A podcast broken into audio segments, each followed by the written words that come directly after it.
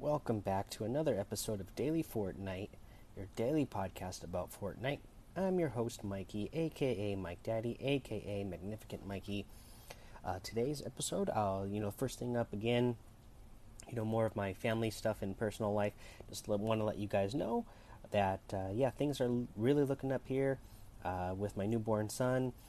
Uh, you know, all, you know, if it all goes according to plan, and uh, everything plays out well, uh, we should be headed home tomorrow. So we'll be back at home, and I'll have my uh, normal, you know, recording set up, and you know, I'll be at home, all, you know, safe and happy with all my family together, which will be nice after being a couple of days here in the hospital.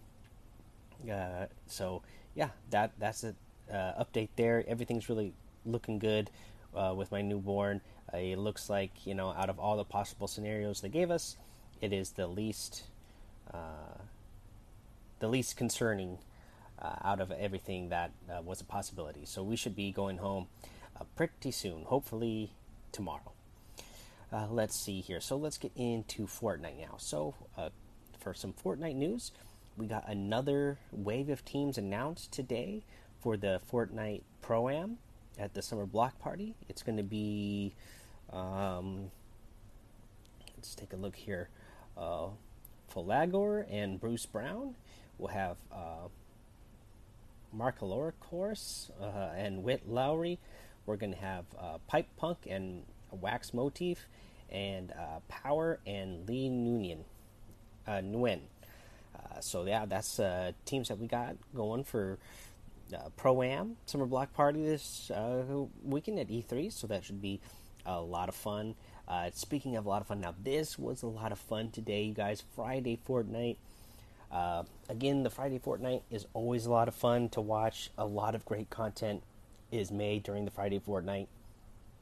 But, you know, this week we had Ninja and PewDiePie, two juggernauts in the uh, streaming slash YouTube uh, video industry. So, yeah, they broke Twitch. Uh, they had so much traffic uh, going to Twitch that it broke Twitch there for a little bit. Uh, you know, and yeah, it was just uh, a lot of fun. I didn't get to watch a whole lot of it, just a little bit, and um, I'll, you know, I'll go back and watch more of it later on when I have uh, better internet and everything. But yeah, it looked like it was a lot of fun from everything I could see. Uh, you know, the the winners of this week's uh, Friday Fortnite was actually uh, FaZe Jarvis and Tilt. So uh, congratulations to those guys. Uh, I know there was a couple other things, blog posts that were put out today by Fortnite. One was an event license agreement talking about how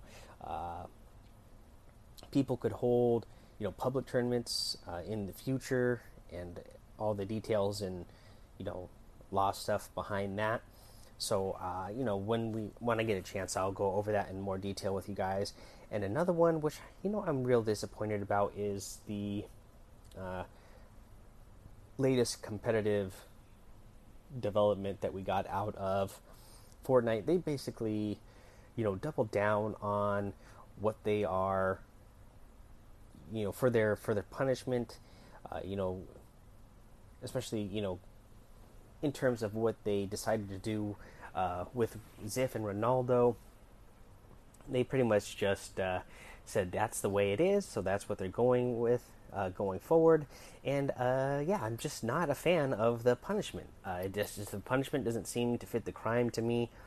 And if that's really what they're going to do going forward from now on, I think it's a big, big, big, big mistake.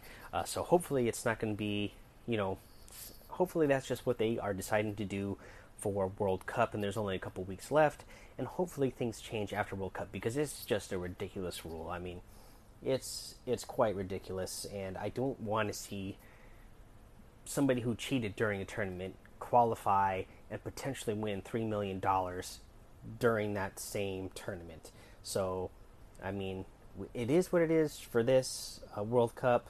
You know, for any tournaments that happen for the rest of the year. And you know, if they do another World Cup next year, I really hope they go back and change the rules. I know they hired Nate Nanzer from Overwatch League, and as a lot of you guys know, I'm a big Overwatch fan. I was really, really into Overwatch before I got into Fortnite and uh, started doing a Fortnite podcast. So I'm a big fan of what Overwatch League has done, especially with Nate Nanzer being the leader over there. So hopefully, when he comes over officially and is really running things over there for the Fortnite competitive scene, he's going to fix some of these things because right now, yeah, the it's just ridiculous the way they're deciding to uh, do punishments uh, for cheaters. It just doesn't do enough to uh, deter cheaters, deter cheaters, in my opinion. Uh, so, yeah, that's that. Uh, I'm gonna go ahead. Uh, I'm gonna take a break here, and then we'll come back with the week five challenge tip. Go over the and go over the item shop. Okay, so for the week five challenge tip I'm going to cover today, just real something really simple because uh, I'm not at home. So the easiest one to tell you about right now, uh, from what I can see, is the deal damage to opponents with grenades, dynamite, or stink bombs, and you need to deal. Uh, it looks like 200 damage uh, in total. Should be pretty easy if you head into Team Rumble. You're going to have so many people in a crowded area, especially if you grab those stinks. Uh, you know, send those stinks into those boxes, and you should start dealing a whole bunch of damage.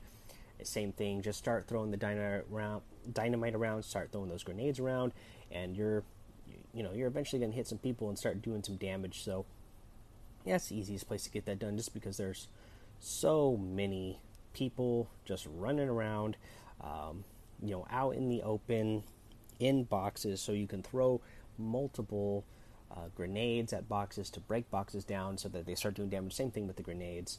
Um, should be able to should be able to get this one done uh, pretty easily if you just head into Team Rumble. Now let's go over the item shop. The item shop is still really good. You got the Shogun outfit in there. Still get that Tempest outfit, which I love.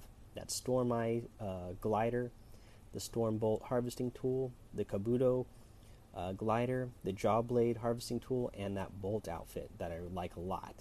Uh, you got that battle pass tier uh, still as a discount. You get the flippin' incredible emote, the poison or the sorry the scion outfit, the birdie outfit, the driver harvesting tool, and a new emote which I like a lot, the extraterrestrial. I'm a big fan of aliens, and we got this extraterrestrial dance, so uh, I'm liking that. guys, if you're going to get any of the items in the item shop, I'd really appreciate it if you use that creator code Mike Daddy M M M I K E D A D D Y in the item shop. Uh, I don't have a tip for of the day for you today. Obviously, I haven't played Fortnite in a few days here, so I can't think of anything off the te- off the top of my head right now. And I'm pretty tired. You know, these staying in these hospital rooms in not a real bed is not the most comfortable. So getting a little bit drained, so can't think of a tip for you right now. But once I get back home and get a little bit more rest and sleep in my own bed, I'll start giving you some good tips again. Until then, guys, go join the Daily Fortnite Discord because we have a great community over there and everybody's really helpful. So I'm sure if you're looking for tips, other people in the Daily Fortnite uh, community will be able to give you some good tips. Follow me over on Twitch and YouTube, Mike Daddy, both of those places. Head over to Apple Podcasts, leave a five star rating and a written review for a shout out on the show. Subscribe so you don't miss an episode. And until next time, have fun, be safe, and don't get lost in the storm.